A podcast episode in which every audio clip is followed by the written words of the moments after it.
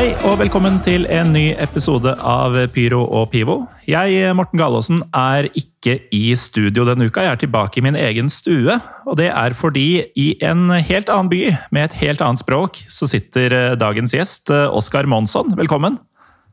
Tusen takk. Du er eh, en eh, ja, eh, rutinert svensk journalist, og nå sjefredaktør for et par meget gode nettsteder. Fotball Støholm, som jeg antar er Fotball Stockholm, og Fotball Skåne.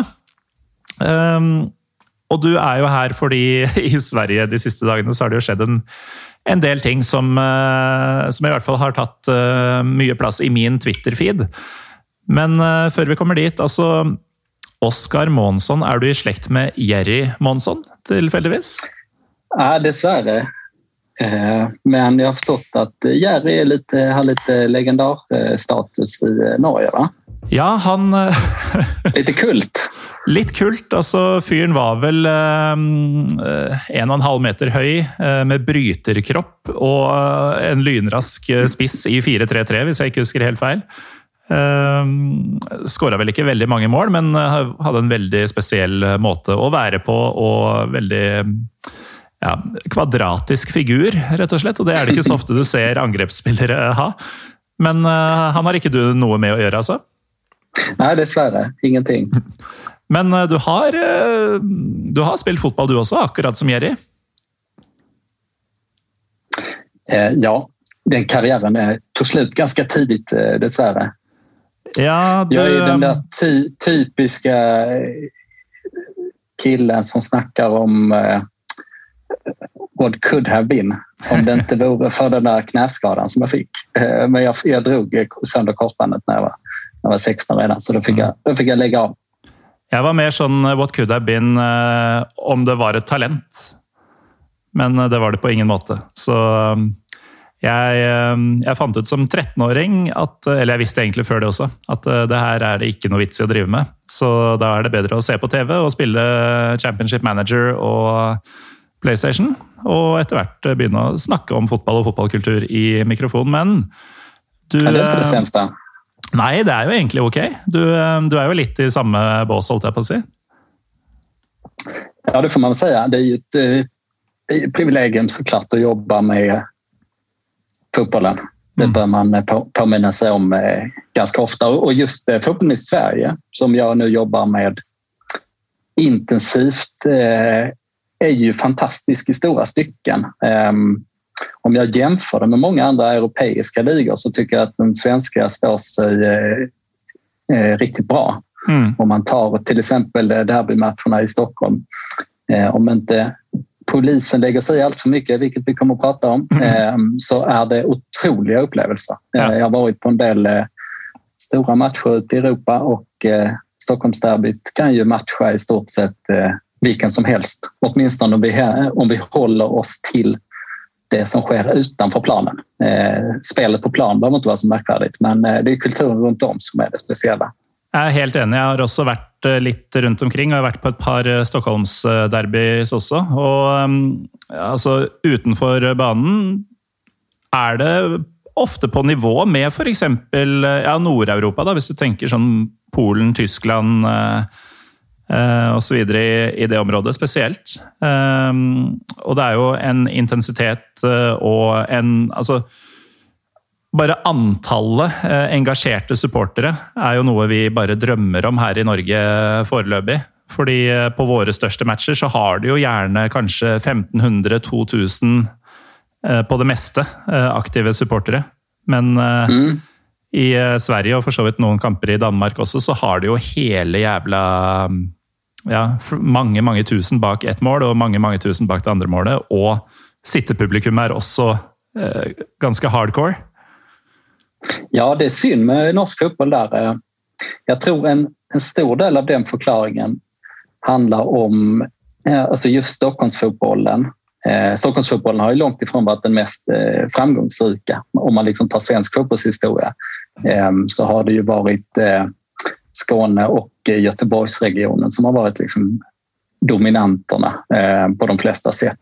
Men i Stockholm finns ju tre klubbar eh, där alla är grundade på eh, slutet av 1800-talet och de har alltid varit stora rivaler och de är ungefär lika stora. Ehm, och det är så självklart att eh, deras interna kamp är liksom lika viktig som ja, totalen. Det är lika viktigt att bli bäst i stan som att ta titlar näst, nästintill. Ehm, och det, det, då blir liksom Stockholm som ett lok för resten av eh, ligan vad det gäller intresset och den här temperaturen. Och i, och i Oslo saknar man ju det. Alltså när man, då har man ju Vålerenga, så har man Lyn som har gått i konkurs och åkt ner alla divisionerna. Så har man eh, Stabäck och Lilleström som är lite på varsin kant där. Eh, man har ju inte den här givna rivaliteten och det finns ju inget sånt i, i Trondheim eller i Bergen heller utan då har man liksom varsin stor klubb. Så, så just det elementet tror jag är en stor förklaring till varför eh, eh just supporterkulturen är så stark i, mm. i Sverige och in, inte är det i Norge. Men uh, altså før, uh, før, du ble journalist og før du slutta som fotballspiller, så um, Du spilte på lag med et par uh, mann som det gikk litt bedre med? Ja. Eh, jag har åtminstone varit på samma sådana här dis distriktslagsläger i Skåne, där jag kommer ifrån, med Zlatan när vi var 15. Og da snakker vi og, uh, selve Zlatan. Ikke, du prøver ikke å lure systemet ja. med en eller annen Zlatan Misic eller noe sånt? Nej, utan det var den, den Zlatan eh, som var den eh, kaxigaste, alltså mest cocky personen som jag någonsin eh, träffat. Du kan tänka dig själv, kan tänka dig själv när Zlatan var, eh, var 15. Oh. jag var ju själv, liksom, jag kom ju liksom från en, en liten eh, by mitt i Skåne från en liten klubb och, och eh, var väl ganska tillbakadragen jämfört med många av de eh, liksom, stjärnorna där från Malmö till exempel. Och Zlatan var ju den som alla snackade om. Mm. Han gick runt och, och gick runt och sa jag är bäst, jag är bäst hela tiden. Och jag hade aldrig sett något liknande. Så han stod i centrum kan man säga. Mm. Ehm, och eh, faktum var att han var ju inte bäst då när vi var 15. Han var ju bland de bästa.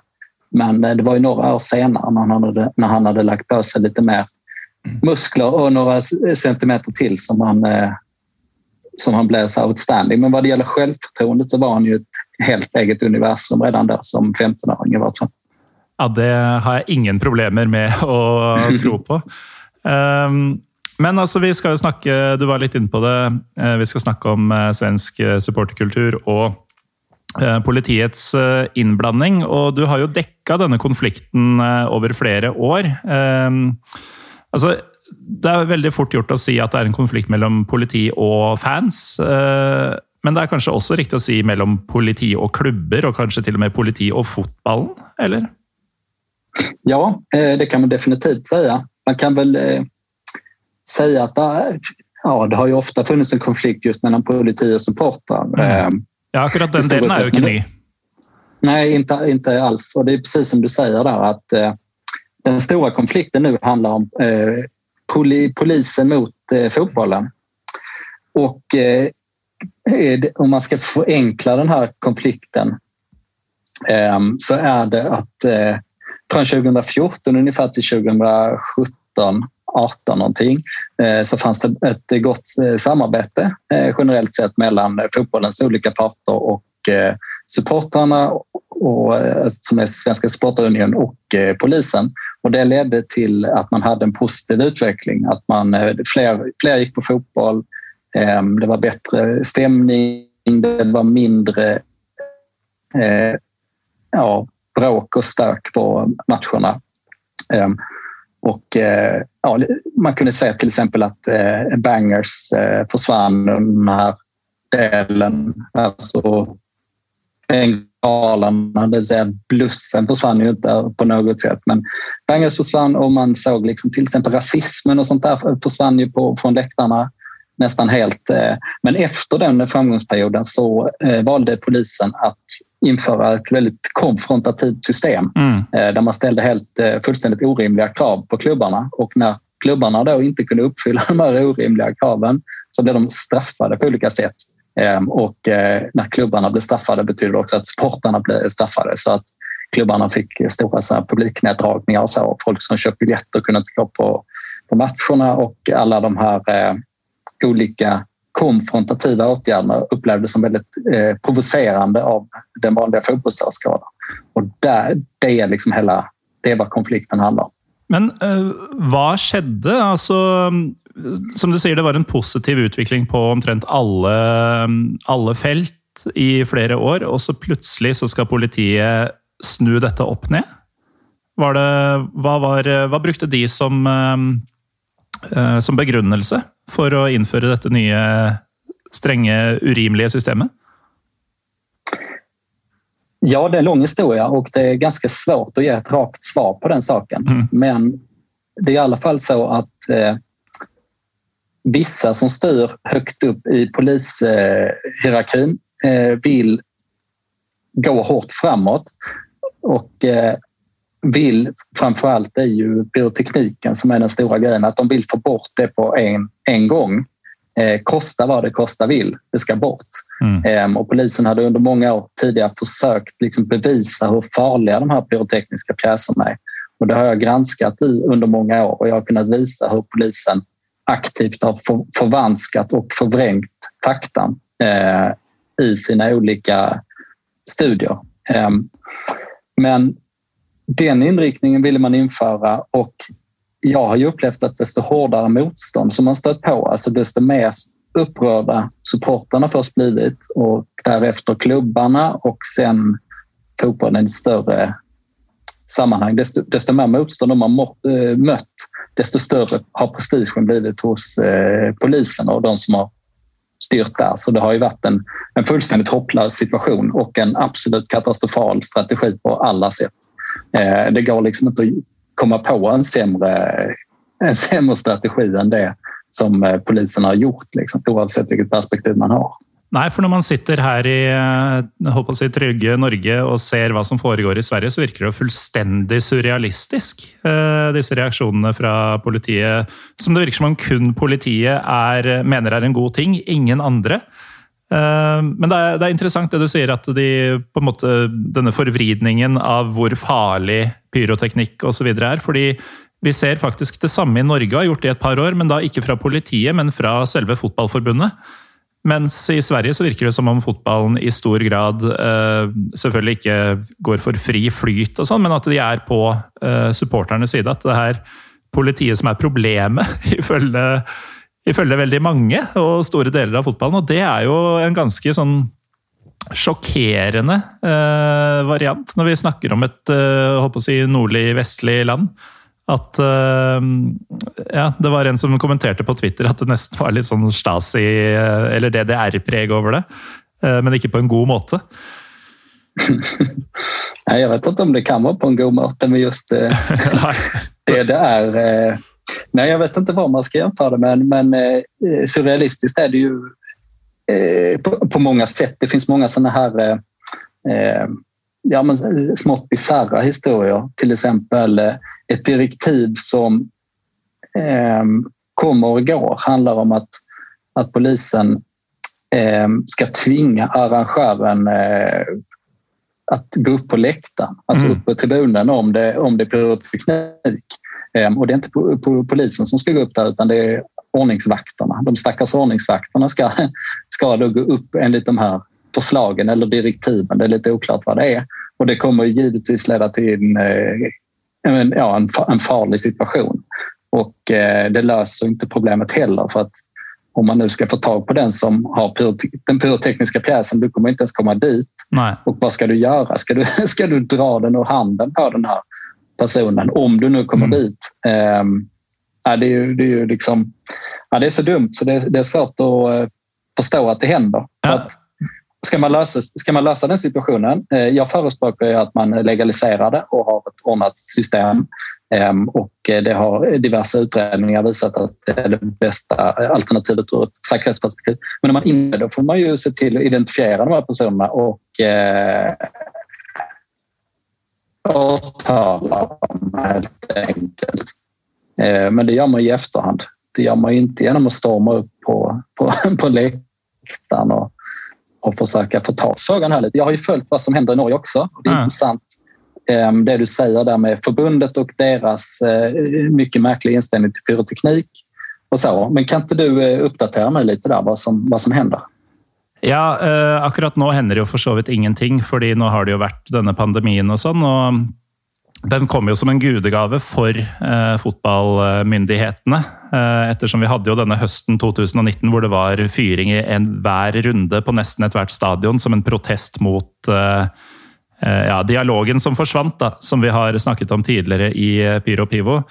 Um, og da var det jo sånn at eh, da, da 2020-sesongen ble så annerledes på, på, sånne ting, eh, så var det jo sånn at eh, supporterne var veldig på at nå må vi snakke sammen mens vi har muligheten til å fokusere på dette her. Nå skjer det ingenting annet. Nå kan vi i ro og mak uh, sørge for at det blir et bra regelverk som, som alle kan være fornøyd med Eh, og sånn At vi må begynne å ja, snakke sammen, stole på hverandre, finne noe eh, common ground. Um, for nå har verken vi eller dere noe annet å drive med, uh, mer eller mindre. Og så har jo ikke det skjedd, da. Eh, for Fotballforbundet så har jo da de kunnet uh, la folk glemme denne konflikten litt. Eh, og det var tidligere i hva blir det, ca. et halvt år siden, det var i, i våres en gang, så hadde vi episode 161 med Bjørnar Posse Sandbo fra Norsk supporterallianse, som har vært veldig pådriver for eh, holdt på å si, en mer human eh, pyropolitikk. Ehm, og da var det en Jeg anbefaler egentlig folk å bare høre den episoden hvis de ikke har gjort det før. Ehm, for da viser han tydelig hvor mye Fotballforbundet har eh, løyet om ting, og hvor lite interessert de har vært i eh, dialog og å finne en løsning. Altså, for dem så er dette bare noe de vil ha vekk. Eh, og selv om alt de har forsøkt for å få det vekk, har fungert mot sin hensikt, akkurat som eh, dette med, som du nevnte, at politiet eller vaktene skal gå opp på tribunen eh, det er jo det verste du kan gjøre i en sånn situasjon. Eh, og det er jo galskap å tro at når det aldri har fungert før, hvorfor skal det fungere nå? Og fortsette å gjøre det. Men det er nå her vi er, da. Så akkurat nå så står den konflikten stille, så vidt jeg vet. Det kan foregå noe på bakrommene, men det er ingenting som tyder på at Fotballforbundet er interessert i, i, å finne en løsning. Da. I hvert fall ikke en som supporterne vil være fornøyd med. Mm. Ja, nei, eh, jag, jag, jag, bedömer det som att Norge ligger eh, där Sverige var kanske för tio år sedan på många sätt. Eh, att då hade man en situation med eh, ehm, vikande intresse. Eh, det var lite eh, lägre intresse för eh, ligan och så. Det var ja, en, en negativ trend där kan man säga. Men det, hände, det inträffade ändå en del märkliga saker på arenorna. Alltså så folk kunde springa in och, och kasta sådana lite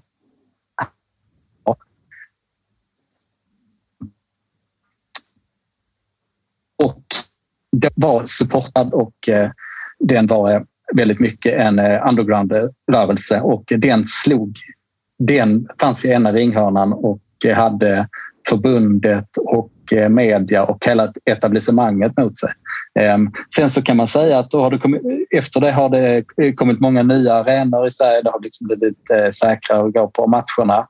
Ehm, på ett, ganska, på ett ganska bra sätt skulle jag säga också. Alltså, ja, att det är säkert är alltid bra men att det har inte blivit eh, Eh, den här liksom Premier League-stämningen där du ska sitta mm. ner och knappt eh, får eh, liksom applådera. Utan det har liksom behållit den här levande kulturen men, men det har gjort liksom att det har liksom, eh, ja, blivit säkrare och eh, lättare att hålla ordning och reda på, på arenorna. Mm. Eh, samtidigt som supporterrörelsen har mognat väldigt mycket, har blivit en inflytelserik röst, har jobbat väldigt tätt med ligaföreningen eh, och ligaföreningen har i sin tur jobbat ganska tätt med förbundet. Så alla de där har hamnat i samma ringhörna och sen nu när polisen har konfronterat så mycket på slutet så är det så är det de som eh, står själva. Och eh, polisen har ju gjort tre, tre studier på pyroteknik under, under 10-talet. Först den som visar att det inte var farligt, en gedigen och bra studie där de använde sig av experter.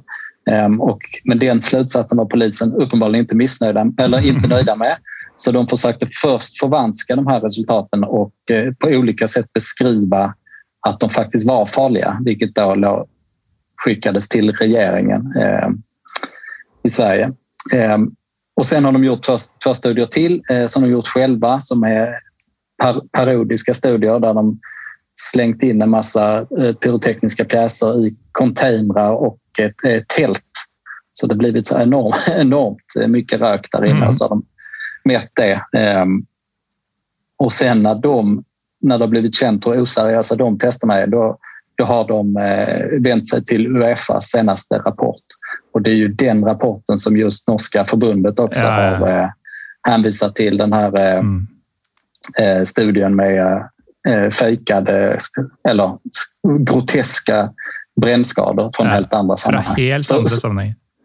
Ja, så det är det som är intressant. Att där har vi liksom svenska polisen hänvisar till samma sak som eh, norska förbundet. Så det finns mm. en tydlig parallell där, precis som du sa. Men det är ju rart också att de, ehm, de blir ju busta ganska tidigt när den rapporten, da den rapporten kom ut. Att eh, det här är ju inte efterrättligt. Detta är inte trovärdigt. Eh, likevel så är det liksom inte bara bare ett land, eh, eller ett förbund, eller eh, ja, altså Uefa selv prøvde jo å selge inn dette her som, eh, som en sannhet, og ble jo avslørt med en gang. Eh, likevel så prøver de, da, og dette ser ut til å være gjennomgangsmelodien. Eh, at man bare står på sine eh, mangelfulle Mangelfulle ideer, mangelfulle funn og skal fortsatt ha rett, selv om alt tilsier at du tar feil.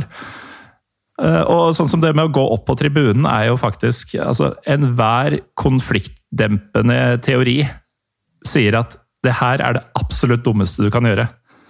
Mm. Og skal politiet, som burde være, vite best av alle hva som er konfliktdempende og hva som er konflikteskalerende, de skal ha deg til å gå opp der. Det er jo, det er jo helt sinnssykt. Ja, det är precis eh, vad det är. Men det är det som, och det, det är det som eh, sker nu. Det skedde 2019. Ehm, med de direktiven, lyckligtvis så eh, var det ju nästan aldrig som det utfördes eftersom ehm, de arenabefälen, det vill säga polisen som jobbar på matcherna och vakterna och klubbarnas säkerhetsansvariga eh, förstår jag att det är en, en dålig idé. Mm. Men, det hände, men det hände faktiskt eh, två gånger att de försökte det 2019. Och eh, en gång eh, eh, blev poliserna som skulle in i Djurgårdens klack, de blev bara bortjagade helt enkelt därifrån. Eh, vilket polisen i nästa omgång svarade med att de skulle stänga hela Djurgårdens ståplats, mm. alltså ta bort allt. Eh, och för att göra det ännu mer eh, parodiskt så protesterar Djurgården hårt. Eh, de nästan truet polisen eh, tillbaks, vilket slutade med att de fick behålla all ståplats. Så det blir ingen neddragning alls. Det, det, liksom, ja, det säger det mesta om hur, hur rimligt systemet är. Ja. Men den gången det skedde, det var när AIK mötte Celtic i Europa League playoff 2019. Och då var det en Celtic-supporter som kastade en sån här utbrunnen eh, bengal mm. mot en säkerhetspersonal. Eh, den eh, träffade inte, men då bestämde AIK för att de skulle gå upp på eh, läktaren för att försöka få tag på den här personen. Och de gjorde det med eh, polisens goda minne. Alltså polisen backade upp den planen. Ehm, och då skickade de upp ett stort gäng eh, vakter där och de visste vem det var som hade kastat det. För det visste både skotsk och svensk polis. Polis visste redan det. De gick upp. Ehm, supportrar gjorde motstånd. Det blev kaos. Två vakter fick liksom totalt spel och började, började veva med batongerna och slog en massa hårda slag mot eh, Celtic-supportrar. Eh, lyckligtvis blev, vad vi vet, ingen allvarligt skadad där. Eh, men man fick avbryta insatsen, gå ner igen och man fick inte tag på den här personen eh, som sen dessutom kunde lämna arenan efter matchen utan att någon ingrep och sen kunde lämna landet utan att någon ingrep. Ehm, Eh, men man ställde till den här, det här kaoset så det var ju liksom en absolut fiaskoinsats på alla mm. sätt. Och när vi på Fotboll Stockholm granskade fallet för att gå igenom vad som faktiskt hade hänt då eh, pratade, det fanns filmer på det här som visade när de här vakterna eh, slog. Eh, då eh, berömde polisen AIK för att de hade varit handlingskraftiga och professionella och alla i polisen tyckte att det här var en mycket väl genomförd insats. Mm. Så ja, man, man tror man är i candid camera ibland när, man, när man har de här samtalen och kommunikatörerna som vi pratar med vägrar att se på de här klippen som vi granskar. Mm. det enda de säger är att att man måste ta hänsyn till att det finns ett, ett, ett före och ett efter eh, klippen. Det svarar de alltid. Det vill säga att om det, om det, om det är ett klipp som på något sätt är besvärande för polisen, då säger de alltid så här, ja men ni vet inte vilket sammanhang det är. Det finns ett mm. före och ett efter. Eh, underförstått att det som är före och efter alltid talar till polisens fördel ja. på något magiskt vis. Jag bara akkurat inte på ehm, film. Nej, inte under filmen. På filmen är inte så viktigt. Um, nej, så det, det, är deprimerande att uh, se, se den här uh, absoluta uh, galenskapen. Mm. Men det som hände nu senast eh, var ju att eh, polisen förbjöd flaggor och banderoller på Sirius match. Sirius från Uppsala, en liten klubb som inte är känd för så mycket. Ehm, supportrar, eh, även om de fått lite ultraskulptur. Och eh, det som hände var givetvis att det har aldrig varit så mycket eh, bengaler någonsin på, dem, på, på den arenan. Jag, for, jag förstod ingenting. Jag fick ju, det var flera som sände mig klipp från, från Sirius. Liksom. Eh, och det såg ut som värsta inferno där. Och jag bara tänkte, när fick de eh, den den kulturen. Altså når, når ble Uppsala eh, et hardt sted å dra på fotballkamp? Eh, og så skjønte jeg jo etter hvert eh, hva, hva, som hadde skjedd. Jeg leste litt hos dere, blant annet. Eh, men jeg må bare, før vi går dit, så vi har jo nå tatt litt av bakgrunnen for dette. Og hvis man vil høre mer, så har vi en episode med to svensker. Eh, en fan av Hammarby og en av Djurgården i episode 125, eh, som Kom ut høsten 2019. Det var vel da dette var ganske nytt. Men kan vi bare gjøre én ting før vi går videre til Sirius, Oskar? Altså, ordet 'vilkårstrappan' det føles sentralt i denne fortellinga. Um, kan du bare forklare veldig fort hva det innebærer? Ja, det är ju den här modellen som man införde 2019. Eller mm. man valde åtminstone att tillämpa den fullt ut. Ehm, och det är en trappa där eh, om, det, om man har eh, ja, ordningsstörningar som man kallar om det, om det är bråk och starkt på matcherna. Mm. Att det är delat in i nivåer? Eller pyroteknik till exempel.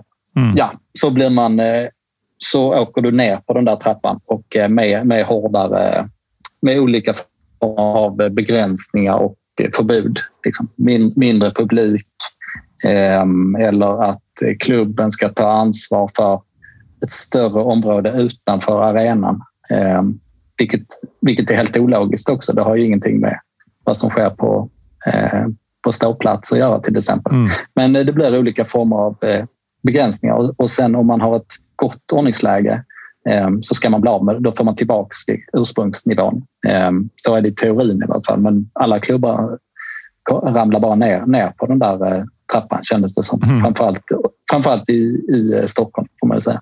Ja.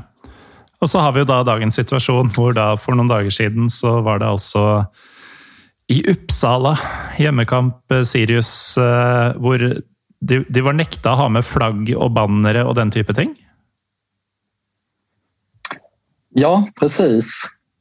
Eh, hvorfor det? Så eh,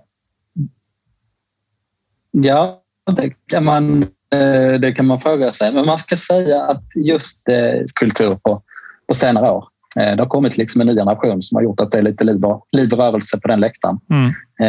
Men ja, vad ska jag säga? Det är väldigt långt från, från huliganism om man säger så. Mm. Det är nog en väldigt snäll supporterförening liksom, eh, överlag. Eh, nej, de där förbuden handlar ju om att, att polisen menar att man kan gömma sig under stora flaggor och mm. ja, tygstycken och sånt där och, och, att man då liksom kan försvåra identifieringen. Så, så där finns ju en logik, får man ändå säga. Alltså, själva tilltaget är ju liksom totalt oproportionerligt men det finns ju åtminstone en logik i det. Mm. Ja, alltså man, det, det, är ju ett argument i det minsta. Eh, men ja. det innebär ju också fjärna omtrent allt som finns av visuell support. Då.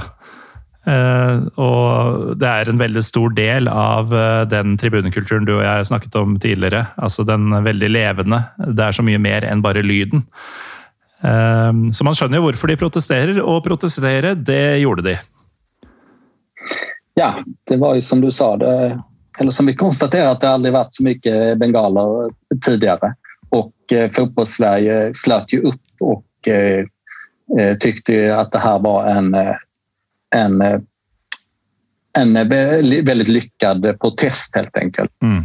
Eftersom eh, fotbollssverige varit så, eh, så förbannade för det, för det som händer. Och sen kan man väl säga att eh, sen ska man lägga till att polisen erkände faktiskt i efterhand att det inte blev lyckat. Att mm. man faktiskt tillstår det själva.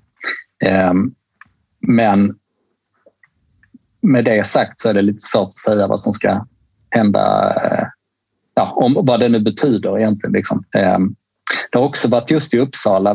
Vi har eh, vi på Fotboll Stockholm granskat annat fall där, men just i Uppsala har polisen gått hårt eh, framför att man vill, man vill ta bort den här eh, kulturen som håller på att uppstå. Alltså man mm. ser att eh, det blir lite ultraskultur. Det har varit bengaler och eh, det är liksom ja, samma attribut som man har i de större klubbarna. Och sånt där. Fortsatt som sagt väldigt snäll läktarsektion skulle jag säga. Men det är uppenbart att polisen inte har gillat det och för ett tag sedan så blev några 14-åriga killar som stod på Eh, Eh, stod där på läktaren och hejade på sitt lag. Blev eh, väldigt bryskt behandlade av polisen och de blev anmälda eh, till socialtjänsten för att de i princip hade bara stått på läktaren. För att de vistades i vad polisen ansåg var en olämplig miljö. Och det, det var ju, det föreföll mycket, mycket märkligt alltsammans. Och de här stackars unga killarna var ju väldigt rädda för att de här poliserna var så aggressiva. De förstod, de förstod inte vad de hade gjort. Och, men tolkade det som att det var någonting på gång i Uppsala och eh, ja, uppenbarligen så, så är det ju någonting där. Det låter ju som om du listar upp eh, exempel efter exempel på maktpsyke. Alltså, det finns så otroligt många punksanger eh, från USA och England om power Uh, og det låter jo akkurat som det som foregår her. At uh, politiet skal drive og diktere hvordan uh, folk skal oppføre seg. Og det altså, La oss si at det er en AIK-kamp eller en Sirius-kamp. Så er det jo AIK eller Sirius som er arrangøren på sitt eget område. Uh, og selv der så skal politiet da bestemme hvordan deres gjester skal, skal oppføre seg. Det er jo Ja, urimelig har vi sagt ett par gånger. Det, det blir inte mindre urimligt eh, ju mer vi snackar om detta här. Nej, man kan ju konstatera också att i vissa regioner, till exempel i Skåne och i Göteborg, eh, där har man inte riktigt velat följa den här villkorstrappan fullt ut. Vilket har irriterat de som har styrt, poliserna som har styrt i Stockholm. Mm. Utan där har man varit lite mjukare trots allt. Man har liksom gjort det halvt. Ehm, och då har man ju också haft en mycket bättre situation. Det har inte alls liksom eskalerat på, på det sättet i de, eh, de regionerna. Så är det inte en nationellt vedtatt eh, policy? Jo, det är det. Men eh, de regionerna har liksom lite halvt trotsat de hårda förhållningssätten eftersom de regionerna har förstått att det förmodligen kommer att gå åt helvete om man, om man mm. kör, kör på det sättet fullt ut. Jag ska också säga att Alltså när jag säger polisen här hela tiden, det är ju några få personer som bestämmer över idrottsstrategierna högt upp i polishierarkin. Det är de som jag refererar till hela tiden. Mm. Eh, för de, de poliserna som jobbar eh, eh, tätare på klubbarna, supporterpoliser, de som är utanför arenorna på, match, på matcherna och sånt. om jag ska ge en generell bild där så tycker de det här är lika dumt. Jag har ju mm. pratat med eh, poliser som har varit fullständigt knäckta och efter ett derby jag pratat med en polis som var totalt gråtfärdig för att den personen har fått uppleva så mycket ilska från supportrarna. Mm. Liksom en, en rutinerad polis som har jobbat i många år och vet vad som fungerar, fungerar i folksamlingar, hur man bemöter Eh, ja, folk överlag. Så, så det är ju... Ja. ja men det är både det där, trist Det är där vi är. Ja, eh, og det gjør det egentlig enda sjukere. fordi det betyr jo eh, altså Ikke at vi lurte på det, men det er jo et bevis på at de som bestemmer dette, de som innfører disse reglene, og sånn, de er helt sånn frakobla eh, det som faktisk skjer. Og de hører ikke på folk som ja, disse supporterpolitiet f.eks., som faktisk er tett på miljøene og på kampene og forstår mer av kulturen. Eh, hva som er farlig, hva man bør passe på, hva som man kan være litt mer liberal med osv. Det høres jo ikke ut som de blir hørt i det hele tatt. Nej, inte alls. Utan, eh, det, det, är ju mycket en, en skrivbordsprodukt kan man säga. Att de här eh, polischeferna har bestämt sig för en sak. De vill ha bort bengalerna. De har bestämt att bengalerna är ett stort Eh, problem och först driver man propaganda för att förklara eh, hur farliga de är och sen när man inte... Sen när de... Ja, när, när eh, till exempel jag och andra kollegor går igenom de här testerna i detalj och skjuter ner dem och visar att det finns noll trovärdighet och att att det sprids så att liksom lite fler personer förstår att eh, det där inte stämmer. Ehm, Eh, då låtsas man som att de testerna inte finns och går tillbaka bara till att konstatera att det är ett eh, mycket stort problem och sen vill man lösa det på en gång. Eh, kosta vad det kostar vill helt enkelt. Mm. Så det är ju eh, konflikten. En, en, annan trist sak med det här att eh, svensk fotboll har ju problem med eh, Ehm, huliganismen i eh, Stockholm eh, framför allt. finns mm. Eh, lite på andra ställen också, men i firmorna kring de tre stora klubbarna är, ett problem. Dels att de slåss med varandra, men också att liksom, tredje part kan komma i, i kläm. och sen så det stora problemet i svensk fotboll rör kriminell infiltration mm. med matchfixning och att kriminella gäng ger sig in i, liksom, stora övergångar i agentvärlden och sånt. Och det är ju reella problem. Ja, det är det. Och det arbetet har, eh, har eh, polisen haft en särskild grupp som jobbat med, men det arbetet är satt på paus nu på grund av resursbrist eh, för att eh, de eh, har skickats till de här gängkrigen i Sverige. Eh, vilket i sig är lätt att förstå att det kräver mycket resurser. Mm. Men det blir ju en eh, Eh, osannolik ironi att man lägger ner eh, hela det här arbetet med det här eh, nästan systemhotande problemet i fotbollen och sen så lägger man så oändligt mycket resurser på det här tramset. Ja, det, vi har många svenska vitser här i Norge. Jag føler att man kunde brukt många av dessa på, på det, den delen av det svenska politiet som vi har snackat om här idag. Ja, og det, kan, du ikke, kan, du ikke, kan, du ikke, gi meg en? Uh, jeg må nok tygge litt på den. Jeg skal lage en i forbindelse med promo-tweetene av denne episoden. mm. Men, uh, det... vi, har ju, vi har ju exakt samma vitsar om norrmän, men mm. det känner du kanske till. Ja, det er jo de samme vitsene. Man bytter jo bare ja. karakterene. Da jeg var, ja, var, i Kaukasus, så fikk jeg vite at de har tilsvarende vitser i Georgia og Armenia. Ja, ja, Og det er de samme vitsene, men de bytter, bytter rolle hvis du går over grensa. Ja, det er fint. Ja, det er nydelig. Men uh, altså, vi, vi, har jo holdt på å si latterliggjort uh, eh, politiet, polisen, eh, uh, litt nå. Og så mm, um, er det jo sånn at man har jo hele tida snakka, eller fotballene og supporterne har snakka om å skrote vilkårstrappaen. Eh, og så kan man jo på en måte si at politiet har lytta til det, for de har kommet med et alternativ. Eh, ja, vi kan godt gå bort fra vilkårstrappene og innføre en håndbok i stedet, men eh, det er vel ikke sånn veldig stor eh, forbedring for fotballen og supporternes del i den foreslåtte håndboka, Oskar? Ja, det förefaller inte så. Ehm, det var, det var ju faktiskt så att polisen höll en pressträff i april där de sa att villkorstrappan skulle bort. Ehm, eller att den var borta och eh, Fotbollssverige jublade över detta. Det togs ju som en stor seger och sen ja, kort senare började ganska många ifrågasätta vad det egentligen betydde. Så det var egentligen Sen kom det fram att det egentligen bara var borta som begrepp.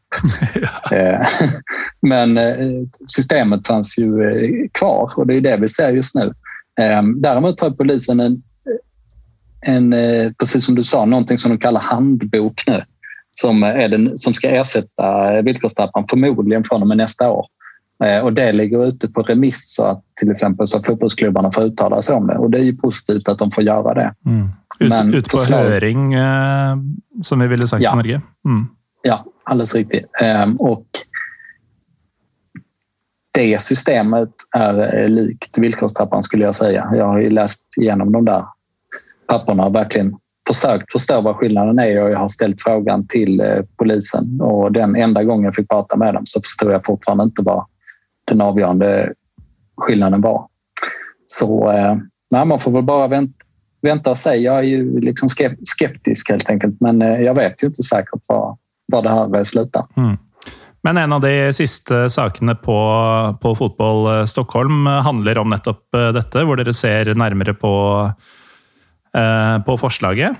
Eh, kan anbefale alla som eh, hører hör på att det är ju en del som ligger öppet där och så är det möjligt att stötta med en veldig beskjeden sum varje månad for å, for å støtte arbeidet ditt og dine kolleger. Det syns jeg eh, Pyro Pivo-lytterne burde gjøre, hvis man er interessert i både dagens tema og svensk fotball og tribunekultur generelt. Men Oskar, hva kommer til å skje videre, hvis vi skal eh, Ingen av oss vet det, men, eh, men hva tror du? Fordi jeg kan liksom ikke se for meg at eh, politiet gir seg. Nej, de har, inte haft en, ten, de har en tendens att inte göra det. Ehm, kan man säga. Det har ju varit någon slags världsrekord i, i prestige. Ehm, men precis nu på slutet har det faktiskt hänt ganska intressanta saker för att nu när eh, vi och andra medier har eh, fått loss en del dokument och eh, fått upp det så att ja, många har reagerat på polisens nya förslag och de olika reaktionerna som har kommit och så vidare. Och också lite märkliga, ja, nästan så kallade jävsituationer inom eh, Hockeyförbundet och Riksidrottsförbundet. Ja, det, är en, det är en annan historia, men det är i alla fall det är, det är mycket som man kan reagera på i, i, eh, i den här historien.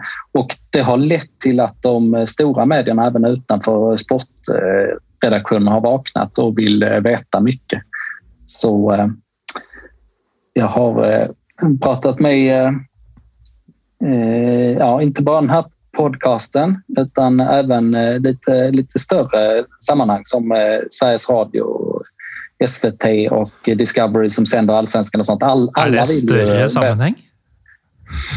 ja, numerärt, ah, okay. inte creddemässigt eh, givetvis. Eh, men i alla fall, eh, det, det märks och även politiker i Sverige har plötsligt visat intresse för den här frågan efter att ha låtit bli den. Till exempel oväntat nog Sverigedemokraternas partiledare Jimmy Åkesson dök upp på en Mjällby-match, det är hans lag, med en sån här stoppa villkorstrappan-t-shirt eh, som han hade köpt av supporterklubben där. Och, eh, sånt, sånt kan sätta eh, stenar i rullning. Eh, just att Sverigedemokraterna är intressant också eftersom de är liksom rätt auktoritära av sig. Det är ju det gamla ja, det är väl de som ligger närmst det FAP helt enkelt. Eh, men så att, så att de kritiserar eh, polisen är ju oväntat. Ja, den, den så jag inte komma. Att, um, jag vet inte var jag ska börja. Uh, Nej, uh, ja, du känner till Sverigedemokraterna. Men, nej, men det känns som ett passande lång, bild på hur absurd denna saken är. Ja, precis. Eh, men eh, jag tänker att det, det som krävs för att det ska bli en ändring är ju eh, ehm, uppenbart att det måste komma det måste hända saker upp ovanifrån och då är det ju politikerna som, som behöver ta upp frågan. Mm. Det får vara en uppmaning till politikerna i Sverige, men förstås så vidt i Norge, med tanke på tidligere nevnte problematikk angående fotballforbundene som ikke vill høre. Eh, episode 161 der, for de som eh, lurer på hva jeg snakker om. Ehm, takk, eh, Oskar Monsson, for at du var med. Til tross for språket og aksenten din, eller dialekta, så sitter du ikke i Skåne. Men hvor er du akkurat nå? Nej, jag är ju Norges motsvarighet till Skåne. Jag är, är på jag är i Kristiansand. Ja. Det är på Sörlandet. Och det är faktiskt så att jag råkar bo här eftersom jag har en en norsk kone och eh, to, ja de är ju norska, norska nu, to norska barn. Ja, halvt norske i hvert fall. Så ja, minst. Hvis du er fan av eh, Start en drøm og ser en skåning i, i baren, så spander en øl på Oscar. Det syns jeg er det minste han fortjener for arbeidet han legger ned for å avdekke sannheten og fronte både fotball og eh, tribunekultur. Takk igjen, Oskar, for at du var med. Tack själv. Det var mycket hyggligt att vara med. Ja, er mulig vi prøver en gang til i fremtiden. Eh, til deg som hører på, så heter jeg Morten Galaasen. Vi er Pyro Pivopod på Twitter og Instagram.